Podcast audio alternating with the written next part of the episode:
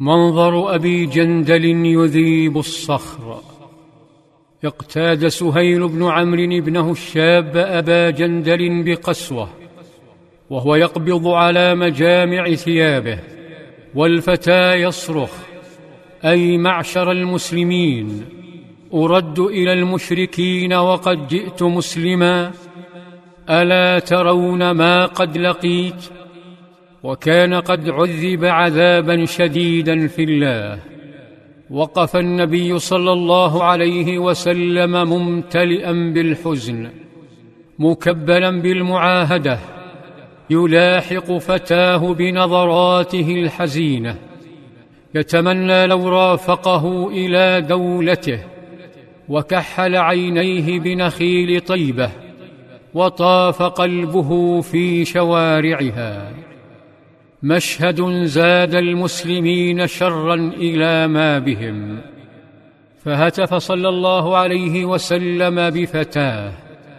يا أبا جندل اصبر واحتسب فإن الله جاعل لك ولمن معك من المستضعفين فرجا ومخرجا.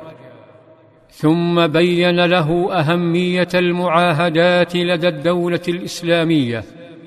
لدى القيادة الإسلامية فقال إنا عقدنا بيننا وبين القوم صلحا فأعطيناهم على ذلك وأعطونا عليه وإنا لن نغدر بهم. كان ابن الخطاب يفتل دهاءه كما يفتل سبلته.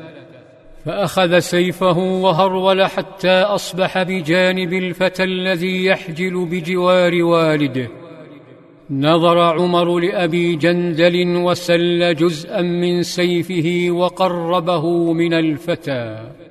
قربه عله يأخذه بنفسه ويتخلص من أسره. وحرضه عمر قائلا اصبر أبا جندل. فإنما هم المشركون وإنما دم أحدهم دم كلب لكن الفتى لم يفعل.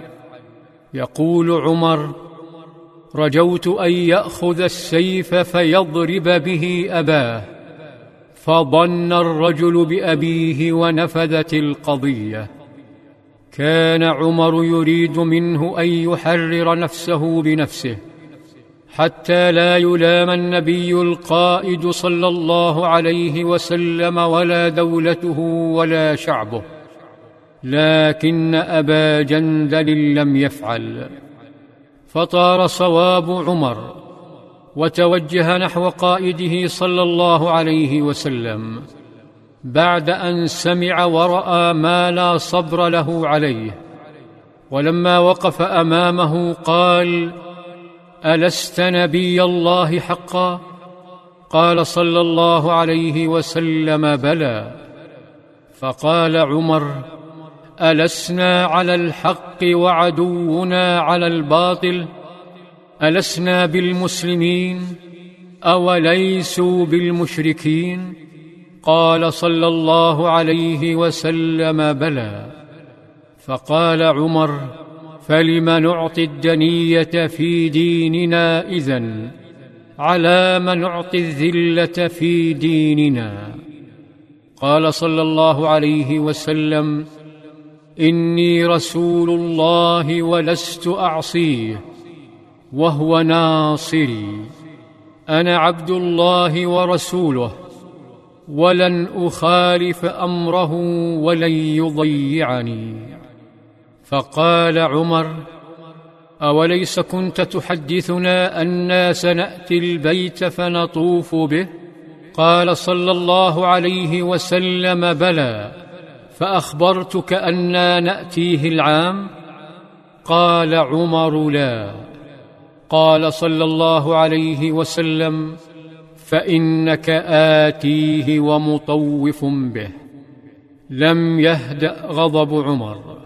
ما زال لديه أمل بمراجعة الاتفاقية فتوجه لأعرف الناس بنبيه صلى الله عليه وسلم.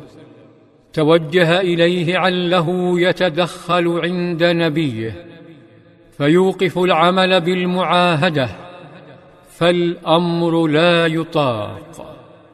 توجه عمر إلى أبي بكر إلى الصديق الأكبر والوزير الأول للنبي صلى الله عليه وسلم.